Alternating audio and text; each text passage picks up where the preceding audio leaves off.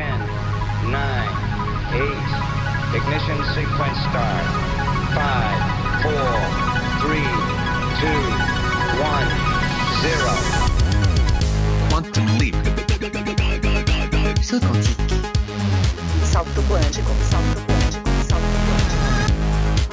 Quantum Swing. Salto quântico. Salto quântico. Salto quântico.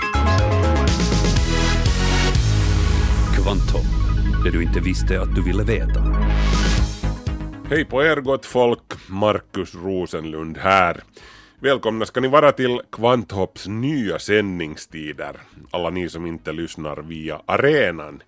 De nya sändningstiderna är alltså söndag morgon klockan 8.05 och eh, reprisen sänds på torsdag kväll klockan 20.03. Söndag 8 på morgon och torsdag 8 på kvällen. Enkelt att minnas. I skrivande stund går solen ner klockan 20.27 i Helsingfors. Om vi redan hade avstått från sommartiden så skulle solen gå ned klockan 19.27 ikväll. Halv åtta alltså. En timme mindre ljustid till att hinna ta sig ut till stugan så här om hösten. Eller att göra vad man nu än tycker om att göra utomhus efter jobbet medan det ännu är ljust. Det här med att byta mellan sommar och vintertid har ju för många känts som någonting oöverkomligt jobbigt. Och efter att ha rådfrågat medborgarna så ska EU nu av allt att döma avstå från systemet med sommartid.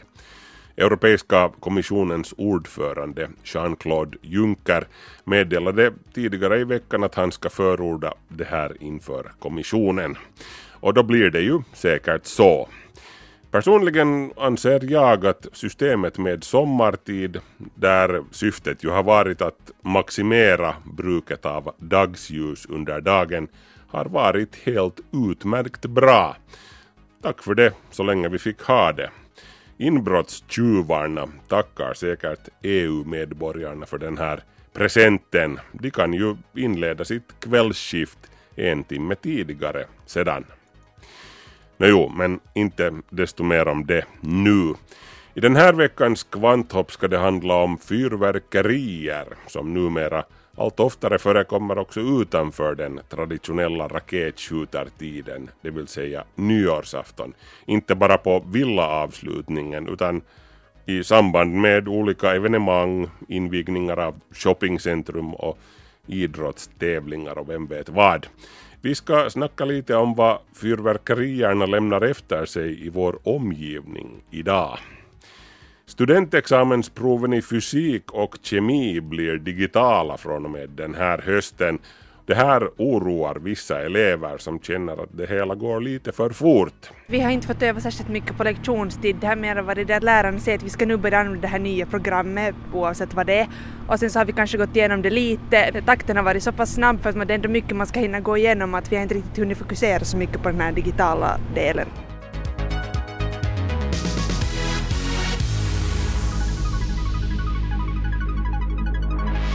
Sådant i Kvanthopp idag. Notiser på kommande. Kvanthopp snabela yle.fi.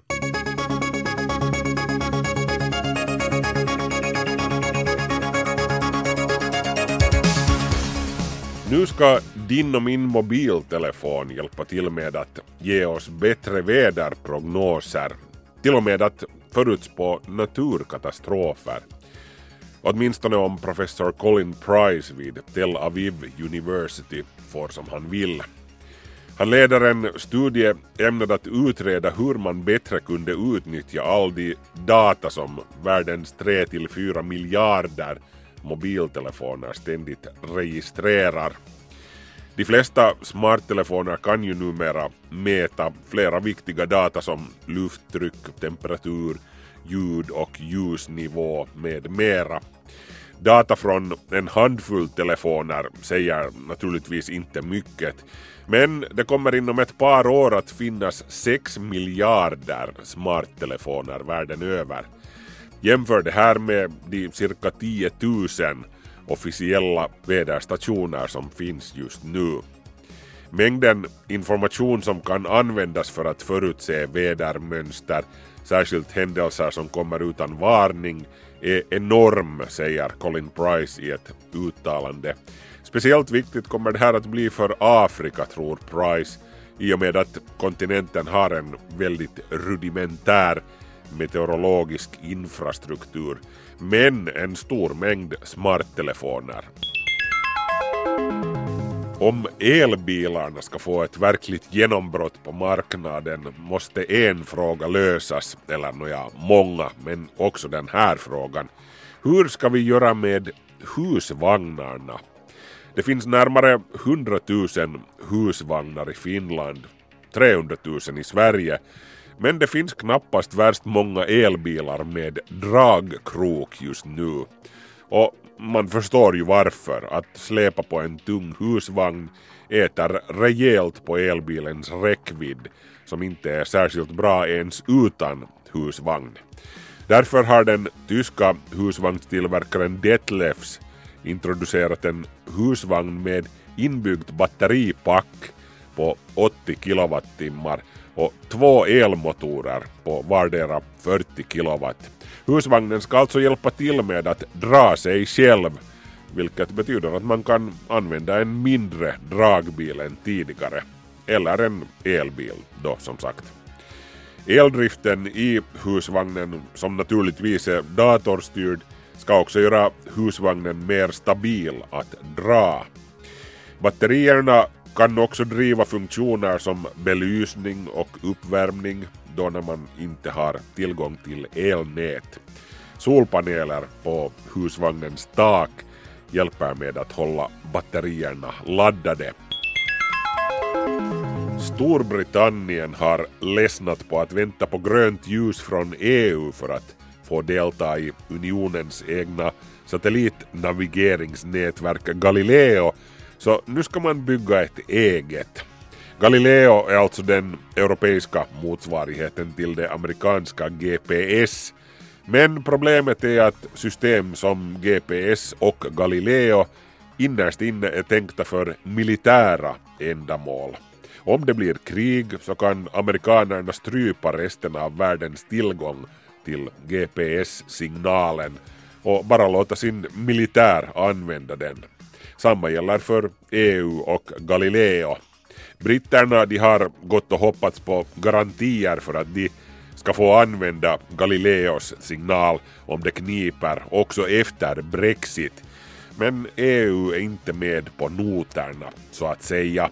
Så nu tänker då britterna skicka upp sina egna satelliter. Men det kostar förstås. Bara planeringen av det nya satellitnavigeringsnätverket kostar 100 miljoner pund. Själva nätverket med satelliter och allt beräknas kosta 3 miljarder pund, alltså 3,3 miljarder euro.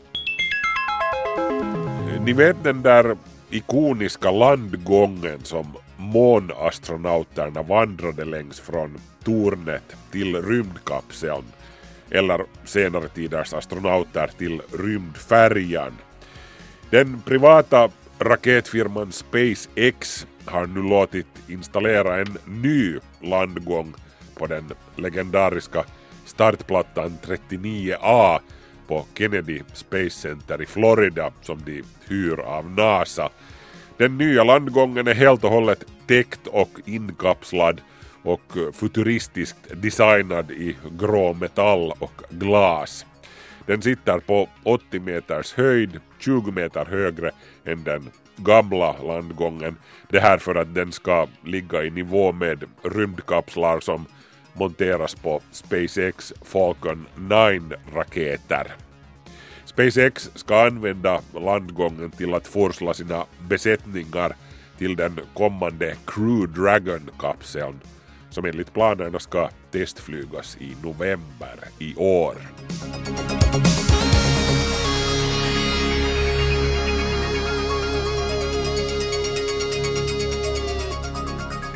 Studentexamensproven i fysik och kemi blir alltså digitala från och med den här hösten och från och med nästa vår gäller det här också provet i matematik. Men många elever runt om i landet upplever att de inte har fått tillräckligt bra förberedande utbildning i de dataprogram som krävs och är nu oroade. Emelie Schauman vid Töle gymnasium i Helsingfors är en av dem. Vi har inte fått öva särskilt mycket på lektionstid. Det har mer varit det att läraren säger att vi ska nu börja använda det här nya programmet oavsett vad det är. Och sen så har vi kanske gått igenom det lite. Takten har varit så pass snabb för att det är ändå mycket man ska hinna gå igenom att vi har inte riktigt hunnit fokusera så mycket på den här digitala delen. Det är också stora skillnader mellan olika skolor i hur väl elever kan använda de dataprogram som ingår i Studentexamensnämndens digitala provsystem Abitti. Vissa lärare kan utbilda effektivt i de här programmen, andra inte. Och vissa tar upp det digitala tidigare, andra senare, påpekar elever. Abiturienten Kasper Wallenius. Jag hade första långmatematikprovet i Abitti i den åttonde kursen men jag har vänner som hade det redan från kurs två och, de, och de är liksom mycket skickligare på det här med teknologin och, eller de här olika äh, applikationerna. För att kunna svara på frågor i de digitala studentexamensproven i matematik, fysik och kemi så måste eleverna ibland använda sig av särskilda räkneprogram. Det finns totalt 14 olika dataprogram man får använda sig av och det finns inte ett enda rätt sätt att svara på. Därför är det extra viktigt att eleverna lär sig vilka program det lönar sig att använda och hur de konkret fungerar. På Finlands svenska skolungdomsförbund är man bekymrad över att många lärare uppenbarligen inte har fokuserat på det digitala. Man har hört om liknande runt om i landet, särskilt av abiturienter. Förbundsordförande Bicka Olin studerande har varit jätteoroliga för att den kompetensen de har fått och den undervisningen de har fått just i att använda de här digitala instrumenten inte räcker till för själva provskrivningstillfället och det är ganska alarmerande tycker jag. Enligt elever har en del lärare vid Tölö gymnasium hänvisat till tidsbrist. Att de själva inte hinner lära sig dataprogrammen för att sen kunna lära ut hur de fungerar. Rektorn Marina Sjöholm svarar inte på frågan om huruvida det är så att lärarna är så stressade att de inte hinner lära eleverna de nödvändiga dataprogrammen. Istället betonar hon att eleverna känner en osäkerhet som kan vara obefogad. Den samma oron upplevde vi också när, när de här realämnena och språken, när de blev digitala. Folk var jättenervösa för de första digitala skrivningarna i språk till exempel. Men det visade sig att, att de allra flesta tyckte att det var enklare sist och slutligen. Matematikläraren och biträdande rektorn Joakim Häggström svarar att lärare vid Tölö gymnasium har fortbildats i de digitala verktygen och hur man kan jobba med dem. På nationell nivå är det ändå få som har fått sådan här utbildning enligt Finlands svenska lärarförbund FSL.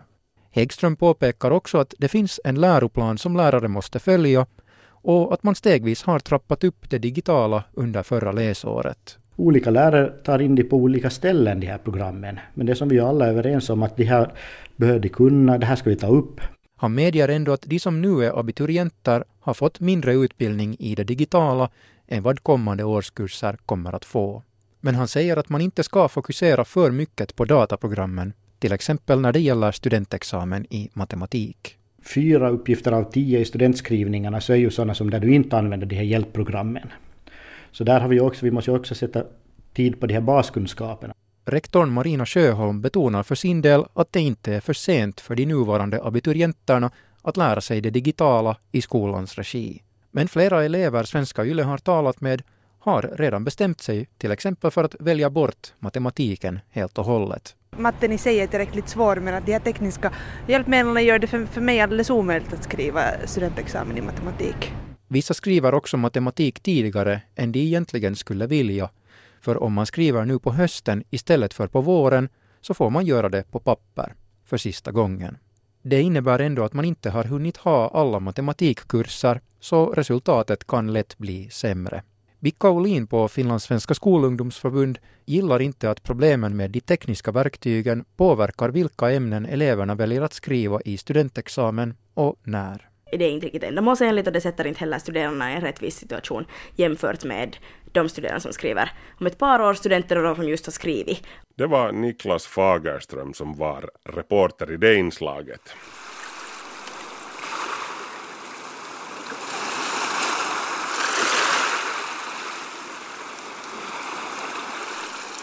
Villa avslutningen borde ju innebära en chans att dra in den friska lantluften i lungorna och njuta av tystnaden, kanske för sista gången för säsongen. Men istället förvandlade många även i år havsluften till lortluft och friden till dunder och brak. Allt med hjälp av fyrverkerier.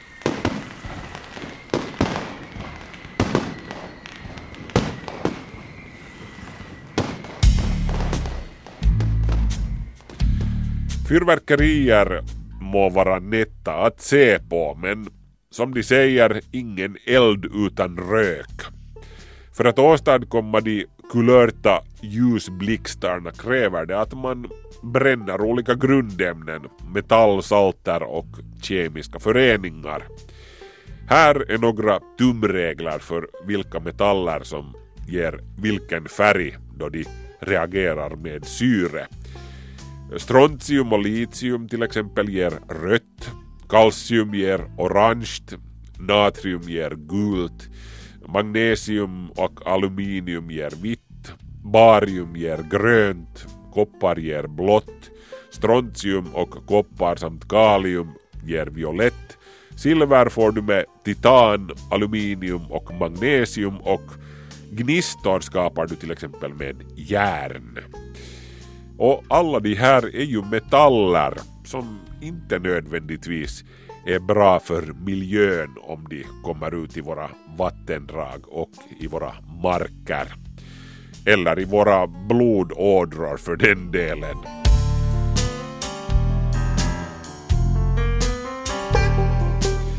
På det hela taget brukar hur som helst fyrverkeriernas miljöpåverkan inte betraktas som värst stor jämfört med mycket annat som smutsar ner vår miljö. Fyrverkerier pågår ju trots allt under en relativt kort tid och effekterna är mestadels lokala.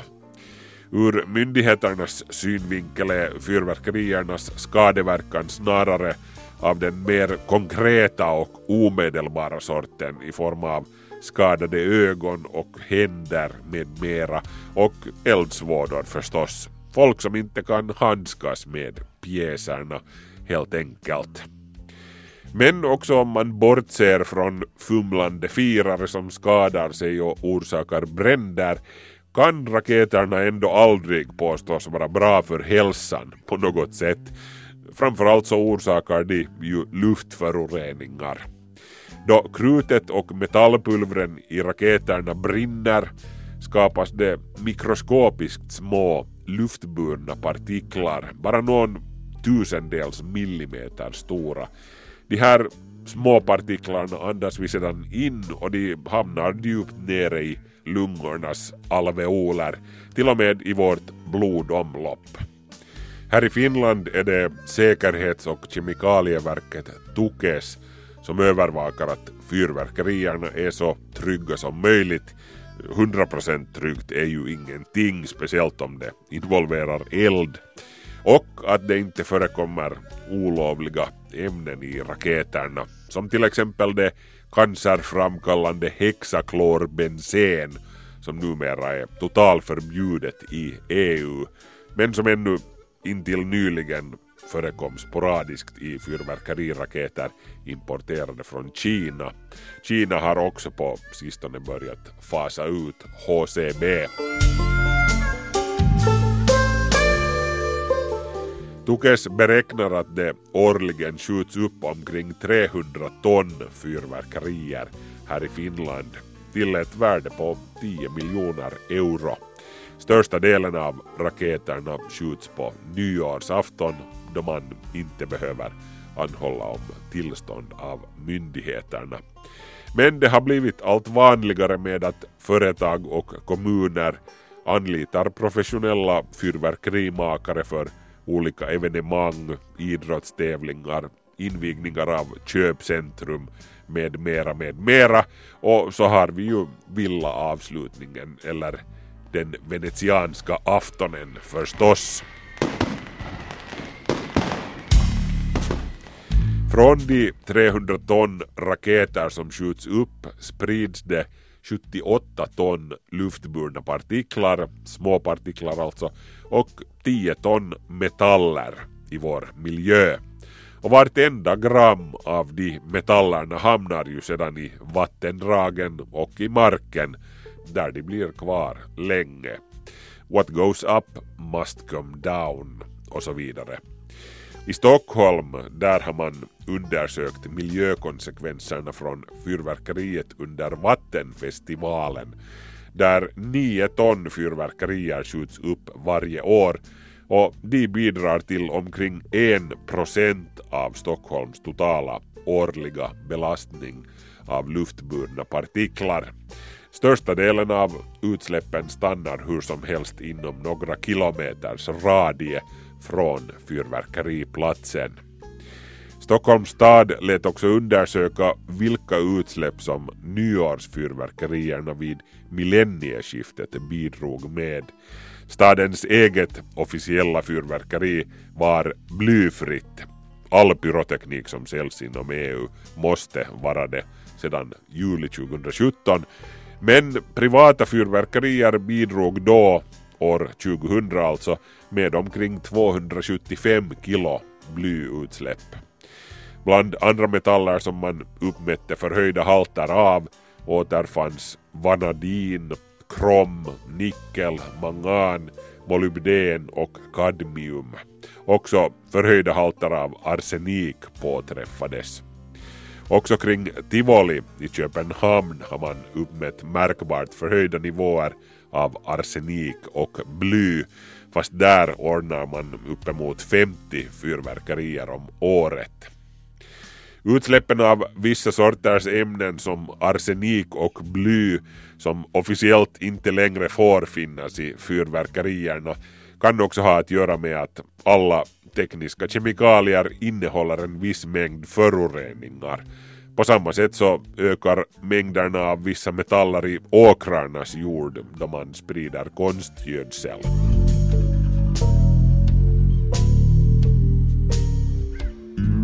Här i Finland, liksom i Norden överlag, har vi den fördelen att vår luft utgångsmässigt är relativt ren.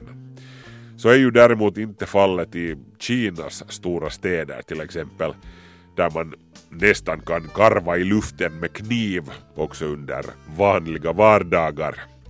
I Helsingfors har man under nyårsnatten uppmätt 20 till 40-falt höjda halter av partiklar. Det är därför lätt att föreställa sig vilken giftig ärtsoppa som lägger sig till exempel över Shanghai, Kinas största stad, då kineserna firar sitt nyår i början av februari med storslagna fyrverkerier som kan pågå i fyra dagar till och från. Förutom metaller och småpartiklar så höjer också ett fyrverkeri på halterna av svaveldioxid i luften, det där som orsakar sura regn men också irriterar ögon och slemhinnor. Halterna av kvävedioxid stiger också rejält. Eh, kvävedioxid orsakar också sura regn men bidrar samtidigt till övergödningen av havet till exempel. Finns det då någonting positivt som man kan säga om utsläppen från fyrverkeripjäserna? Nå, åtminstone så skadar de inte ozonskiktet som ligger på en höjd mellan 15 och 50 kilometer i stratosfären medan raketerna och deras rök stiger till mellan 30 och 300 meters höjd. Huruvida fyrverkerierna skrämmer bort onda andar, vilket ju ursprungligen var fyrverkeriernas syfte, det är sedan en annan femma, det kan inte Kvanthopp ta ställning till. Men det finns ju numera andra metoder att uppnå samma effekt, skapa samma sorts ljusshow som man åstadkommer med ett fyrverkeri. En lasershow till exempel. Laser har ju förutom utsläppsfriheten också den fördelen att laser är tyst, vilket hundägarna torde uppskatta. Och så har man en betydligt större färgpalett att ta till också med laser. Drygt 16 miljoner olika nyanser kan man åstadkomma. Billigt blir det ju fortfarande inte att anlita killen eller tjejen med stans hevaste laserpjäser. Men så är det här i livet. Smakar det så kostar det.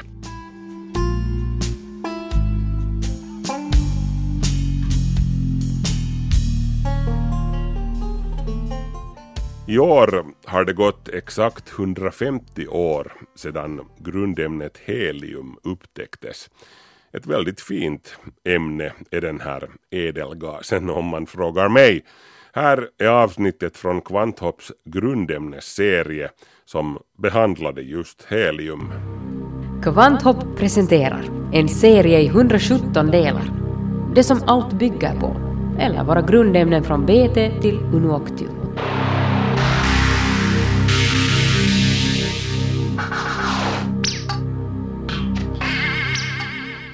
Del 2. Helium. Helium är vad man får då man slår samman två väteatomer. Det är den här processen som driver självaste solen och alla de andra stjärnorna. Under det massiva trycket i solens hjärta fusioneras vetet till helium och som biprodukt uppstår värme, den som vi brukar njuta av om somrarna.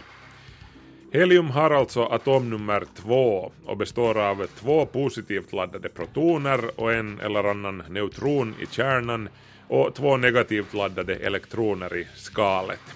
Det är det näst vanligaste grundämnet i universum. Sitt namn fick det från grekiskans helios, som betyder solen. Det här eftersom det upptäcktes av fransmannen Pierre Janssen som 1868 observerade solen och hittade spektrallinjer som inte tillhörde något dittills känt atomslag. Det var två engelska astronomer, Norman Lockwer och Edward Frankland, som döpte det nya ämnet till helium. Till heliumets egenskaper hör att det är oerhört lätt. Det är därför som vi använder det i första majballonger bland annat. Det är också oerhört dåligt på att reagera med andra ämnen, vilket till exempel gör att det inte brinner. Flytande helium används som kylmedel, till exempel i CERNs stora partikelkolliderare LHC. Så används det också i belysningsteknik och metallurgi. Den roliga rösten som man får när man andas in helium beror på att ljudets hastighet är större i helium än i luft. Men den leken har sina risker. Helium tränger undan syre i blodet och man kan alltså kvävas av för mycket sugande på första maj-ballonger. Helium uppstår här på jorden genom radioaktiva processer djupt inne i jorden och utvinns ur naturgas, främst i USA. Men amerikanerna har varit så slösaktiga med sina heliumresurser så att helium kan komma att bli en bristvara i framtiden. Du har hört del två i Kvanthopps serie om grundämnena.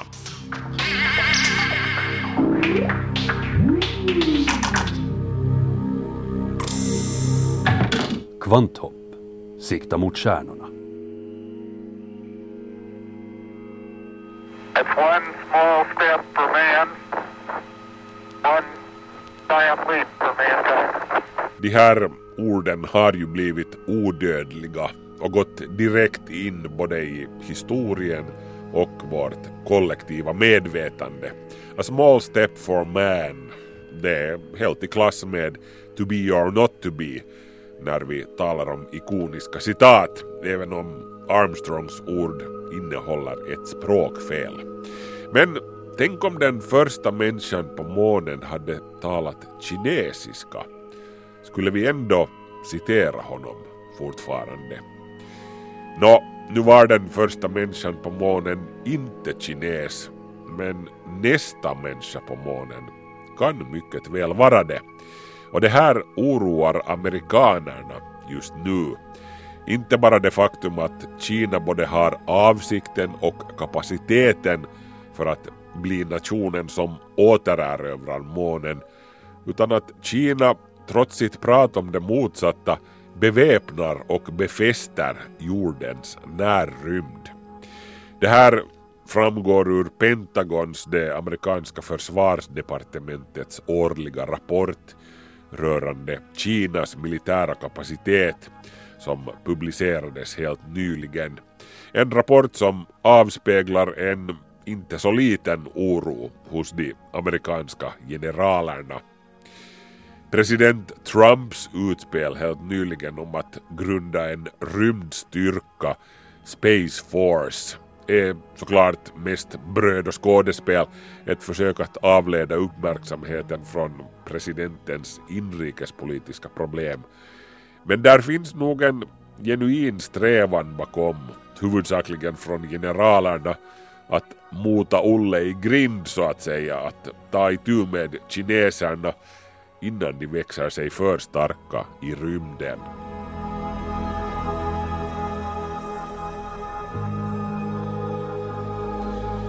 Kinas fortsatta investeringar och ansträngningar inom rymdsektorn är ett betydande orosmoment för Pentagon, slår rapporten fast. Kinesiska strateger betraktar enligt det amerikanska försvarsministeriet förmågan att använda rymdbaserade militära lösningar och att förneka deras existens för sina motparter som ett inom citat centralt element i modern krigföring. Pentagon noterar att Kina håller på att förstärka sin militära kapacitet i rymden trots landets officiella linje som är att motsätta sig en militarisering av rymden. Som exempel på det här nämner Pentagon Kinas utvecklande av diverse nya spanings och underrättelsesatelliter samt det kinesiska satellitnavigationsnätverket Beidou. Pentagons rapport noterar också att Kinas rymdprogram på det hela taget fortsätter att avancera med en rask takt. Landet har byggt ut en omfattande infrastruktur på marken för att uppehålla en växande flotta av rymdfarkoster. 2017 avfyrade Kina 18 bärraketer, 16 av dem framgångsrikt. 31 kinesiska farkoster lades i omloppsbana under årets lopp, inklusive kommunikations-, navigations och spaningssatelliter. Men som sagt så gick inte riktigt allt enligt planerna. Två avfyrningar gick snett. En raket av typen Changzheng 3B nådde inte den planerade omloppsbanan och en raket från den nya tunga klassen Changzheng 5 gick förlorad under avfyrningen, vilket var ett betydande bakslag för det kinesiska rymdprogrammet. Shenzhen 5 eller Long March 5-klassen är kinesernas tunga arbetshäst på rymdfronten med en lyftkapacitet på 25 ton till låg omloppsbana. Den här tunga bärraketen kommer att spela en central roll när det kommer till att avfyra och sätta ihop Kinas kommande rymdstation vars centralmodul är planerad för avfyrning till 2020. Kina har trots motgångarna enligt Pentagon gjort avsevärda framsteg i sitt bärraketsprogram och siktar på att bli en betydande aktör också i den kommersiella rymdfrakten med konkurrenskraftiga och snabba satellitavfyrningstjänster för den internationella marknaden enligt rapporten. Med andra ord siktar Kina på att bli en svår konkurrent för också de amerikanska privata rymdfraktföretagen.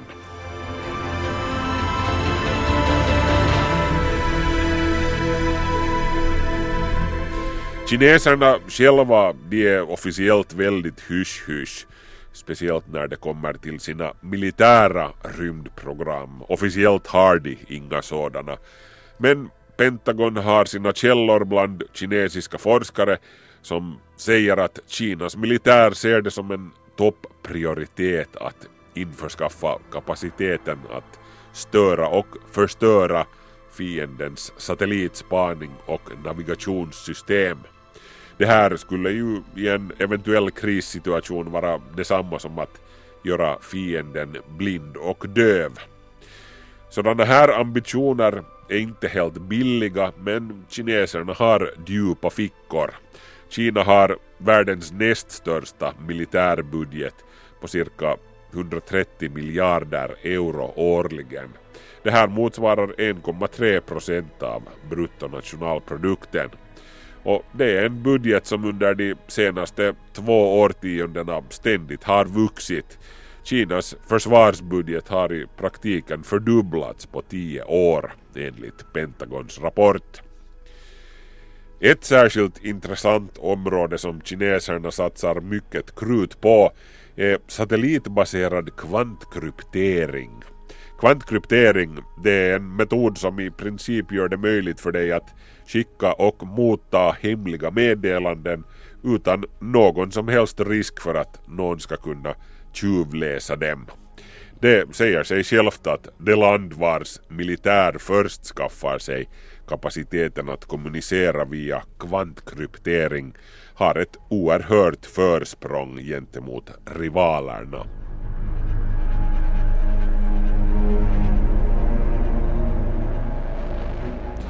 Men Kinas ambitioner i rymden sträcker sig ännu längre än så om man får tro Pentagons rapport som noterar att Kina just nu satsar stora summor på forskning i fusionsenergi, hyperljudsplan och så kallade krigshärdade hackningssäkra satelliter.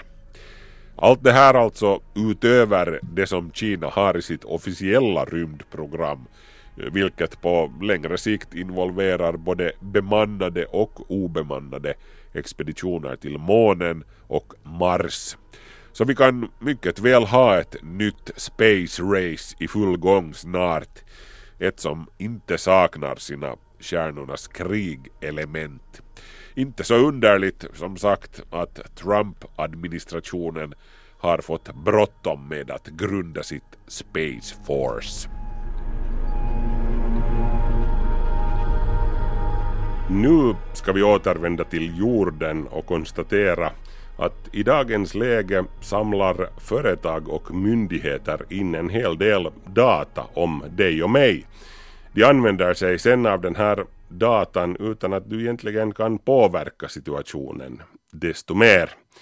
En ny internationell organisation med hemort i Finland vill nu ändra på det här. Vi ska ge folk makten över sina egna data, säger en av initiativtagarna, diplomingenjör Antti Poikola. Pyritään oikeastaan muuttamaan sitä, miten henkilödataa käsitellään ja hallinnoidaan nykyisin maailmassa. Det handlar om en reaktion på hur persondata behandlas i världen. Alltså uppgifter som direkt eller indirekt kan knytas till en viss person. Ihmisillä itsellään olisi niin kuin mahdollisuus oikeastaan päättää siitä, että mihin heitä koskevaa tietoa käytetään. Ja Folk borde få bestämma själva hur uppgifter om dem används och de borde också kunna dra nytta av de här uppgifterna, säger han. Det här kallas för My Data eller Mina Data. Han nämner S-gruppens nya tjänst Egna köp som ett bra exempel på just My Data. I den kan man se en hel del data om sitt eget köpbeteende, till exempel hur mycket ost man har köpt under det senaste året eller när man oftast går till butiken. Finland är en föregångare när det gäller att ge användarna makt över sina data. Om en månad grundar My Data-grupper från hela världen en internationell organisation här för att ännu effektivare kunna driva de här frågorna. Yksi aikamme suurista kysymyksistä on se, että miten digitaalista dataa käsitellään. Hur digitala data borde hanteras är en av vår tids största frågor. Det är utmanande och kräver förändringar i lagstiftningen, teknologisk utveckling, nya affärsmodeller och nya tankesätt i samhället, säger Poikola. Han ser också stora möjligheter för vårt land på det här området. Yritetään saada Suomesta tämmöinen niin kuin henkilödatan muumilaakso. Vi vill att Finland ska bli en slags Mumindal för persondata. Alltså inte Silicon Valley där man hanterar persondata dåligt, utan Mumindalen där den skulle hanteras väl. Nopean oppimisen sykli, kun on paljon toimijoita samassa paikassa. Vi vill locka aktörer från hela världen hit och det kommer att möjliggöra stora framsteg när många samarbetar kring de här frågorna, säger han. Att satsa på My Data kan bli en fördel för europeiska företag i konkurrensen med de stora amerikanska datajättarna Amazon, Apple, Google och Facebook. Niklas Fagerström var det som var reporter där. Kvanthopp, det du inte visste att du ville veta. Om det nu är någon som har rattat in Yle Vega och undrat att vad är det här för program som kommer den här tiden? Nå, som sagt så har Kvanthopp bytt sändningstid. Söndag morgon efter åttans nyheter och reprisen kommer på torsdagskvällar klockan 20. På Yle Arenan finns vi precis som förr tillgängliga 24 timmar i dygnet. Där på Yle Arenan alltså finns också vår podcast Besser ett visser där Svenska Yles ekonomiredaktör Patrik Sjåman och jag lägger ut texten om hur det egentligen förhåller sig med saker och ting. Men nu är Kvanthopp slut för den här gången. Vi hörs, ha det så bra, säger jag som heter Markus Rosenlund. Hej så länge!